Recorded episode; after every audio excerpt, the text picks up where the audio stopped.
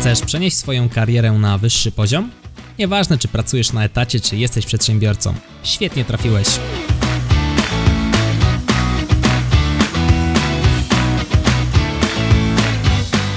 Nazywam się Michał Kowalczyk i witam Cię w Excellent Work Podcast.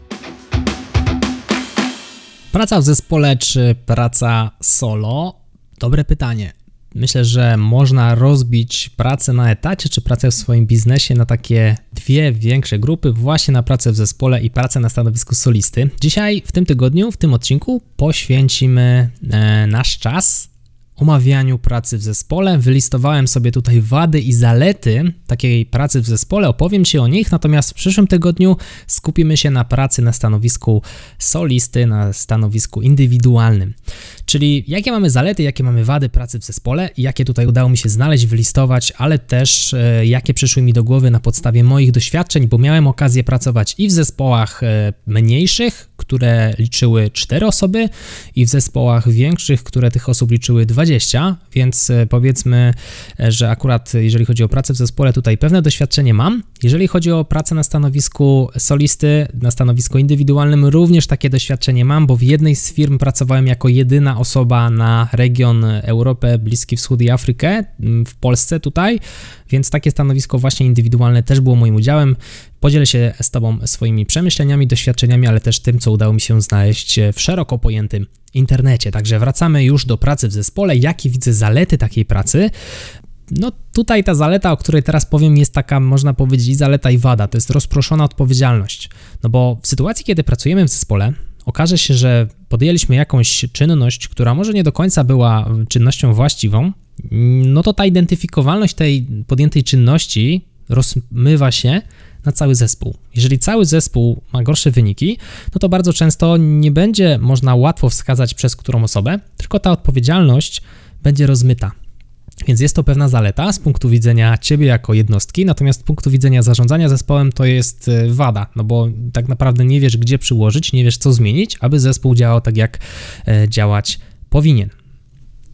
Kolejną zaletą która już myślę jest jednak zaletą w 100%, to jest wzajemne ciśnięcie i motywacja, jeżeli można tak powiedzieć. Czyli jeżeli w zespole mamy takiego ducha, że jesteśmy tutaj razem, gramy wszyscy do jednej bramki, e, czujemy się w zespole dobrze, mamy fajną atmosferę, wspieramy się wzajemnie, no to ten poziom motywacji takiej pomiędzy mm, drużynowej, pomiędzy nawet osobami, które gdzieś tam w środku w tym zespole e, są, będzie wyższy czujemy się tak zmotywowani, co w sytuacji, kiedy pracujemy sami, może niekoniecznie być naszym udziałem. No i jak pracujemy sobie w zespole, wspólnie ciśniemy i się motywujemy, to też jest okazja do wymiany doświadczeń.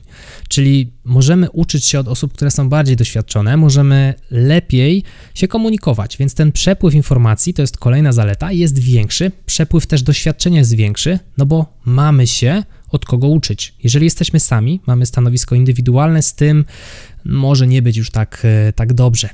E, mamy też podniesioną wydajność pracy, no bo jeżeli pracujemy w zespole, to możemy korzystać z takich narzędzi, na przykład jak burza mózgów. Mamy osoby, z którymi możemy się e, skonsultować, a zawsze, no może nie zawsze, ale bardzo często 1 plus 1 daje 3. Czyli widzimy w zespole rzeczy, których sami byśmy nie zobaczyli. No bo mamy więcej oczu, mamy więcej doświadczenia, więc ta wydajność będzie większa.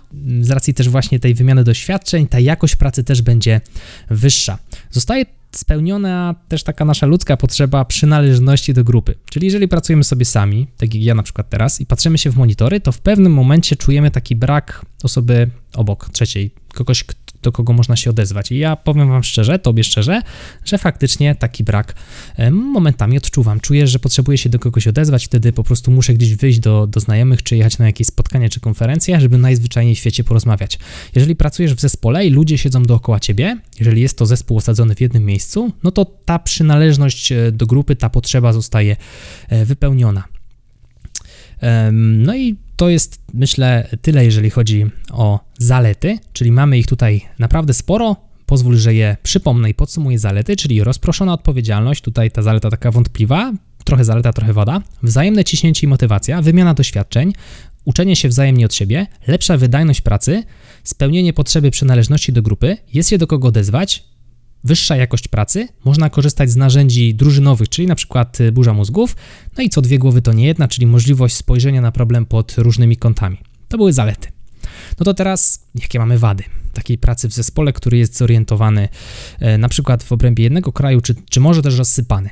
Przede wszystkim dłuższy czas podejmowania decyzji. Może to być wada, no bo jeżeli mamy 10 punktów widzenia w zespole i każdy ma inny ten punkt widzenia, to ciężko bardzo może być wypracować nam jakiś konsensus, wypracować nam jedną decyzję. No bo ten widzi tu zagrożenie, tamten widzi tu szansę i się zaczyna dyskusja. Więc ta dyskusja zajmie tam jakiś czas. Każda minuta na etacie, szczególnie jeżeli siedzimy w salce, gdzie mamy 10 osób, każda minuta to są złotówki dla firmy.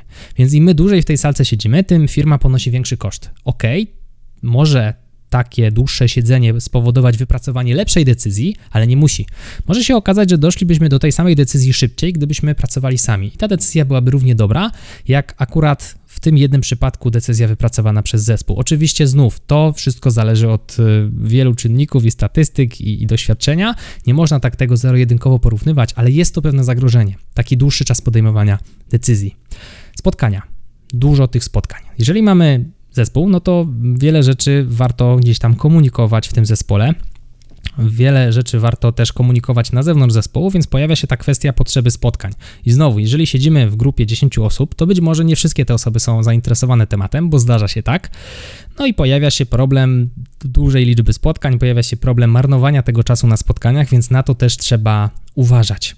W momencie, kiedy dochodzisz do takiego spotkania, może się okazać, że w grupie czy nawet jeżeli pracujemy sobie gdzieś tam na zewnątrz z salki spotkań, może się okazać, że w grupie pojawi się zbyt dużo liderów.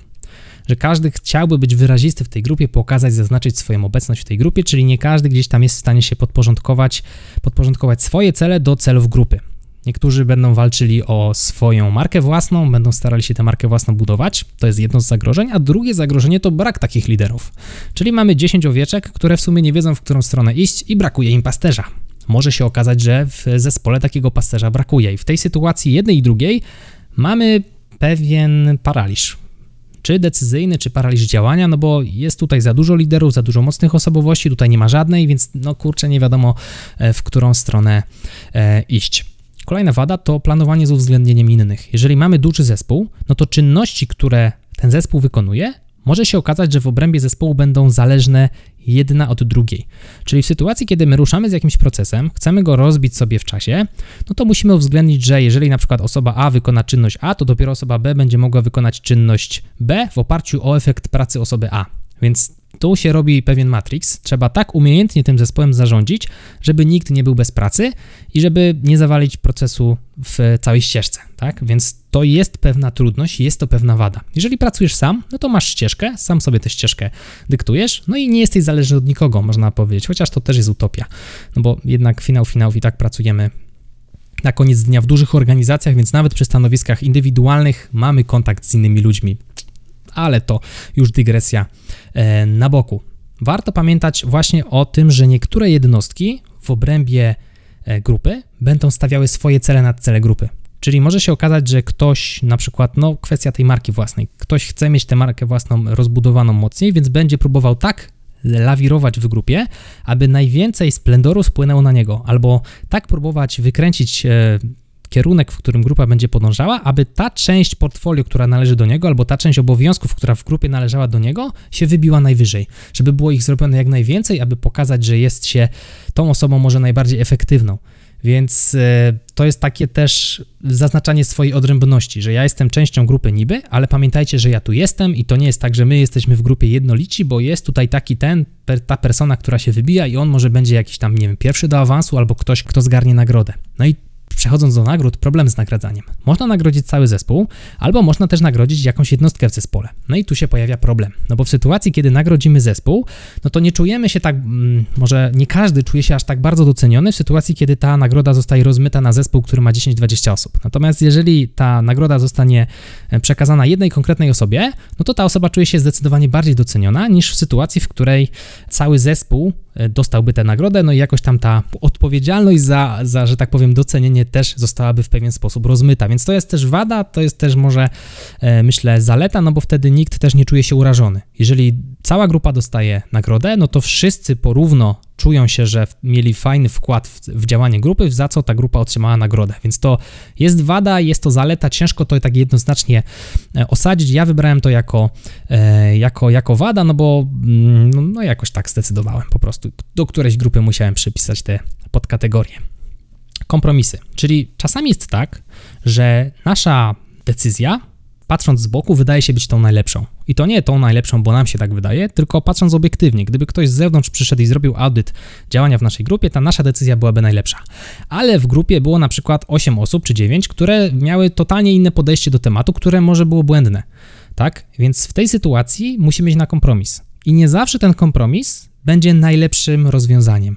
Może się okazać, że akurat ten pomysł tej jednej osoby, który został odrzucony, był najlepszym pomysłem, ale z racji tego, że pracujemy w grupie, musimy na te kompromisy iść, więc to też jest pewna wada przy pracy w zespole. Ok, można powiedzieć, że jeżeli nas jest więcej w zespole, to z większym prawdopodobieństwem e, wpadniemy na lepsze rozwiązanie, to prawda, natomiast nie zawsze. Znowu, tutaj pewnie będzie to zależało od e, przypadku, więc warto o tych kompromisach pamiętać. No i jak już jesteśmy przy e, kompromisach, to warto też wspomnieć o konfliktach. Jeżeli mm, takie konflikty w grupie się pojawią, no to taką grupą zdecydowanie trudniej się zarządza, no bo ten nie będzie pracował z tym, bo coś tam, a ten temu zrobi na złość i tak dalej, i tak dalej.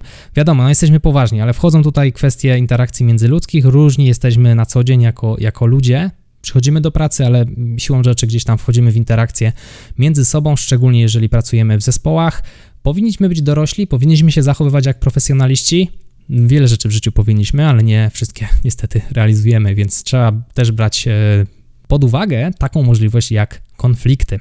No i premia od wyników. Jeżeli premia od wyników jest rozdzielana wśród członków zespołu i jest ona różna dla poszczególnych członków, no to może okazać się ona krzywdząca. Jeżeli Twoje wyniki pracy wpływają bezpośrednio na Twoją pensję, a pracujesz w grupie, to może się okazać, że część tej twojej premii nie jest w 100% zależna od ciebie. Może się okazać, że jeżeli zespół działa sobie średnio, ale ty świetnie się w tym zespole spisujesz, to może się okazać, że cały zespół nie dostanie premii, mimo tego, że na przykład ty działałeś w sumie najlepiej, jak tylko się dało i wszystko zrobiłeś tak, jak być powinno, to nadal nie zostajesz za to nagrodzony. I możesz poczuć się w tej sytuacji skrzywdzony. Więc to jest pewna wada pracy w zespole, że nie cała odpowiedzialność leży na twoich barkach.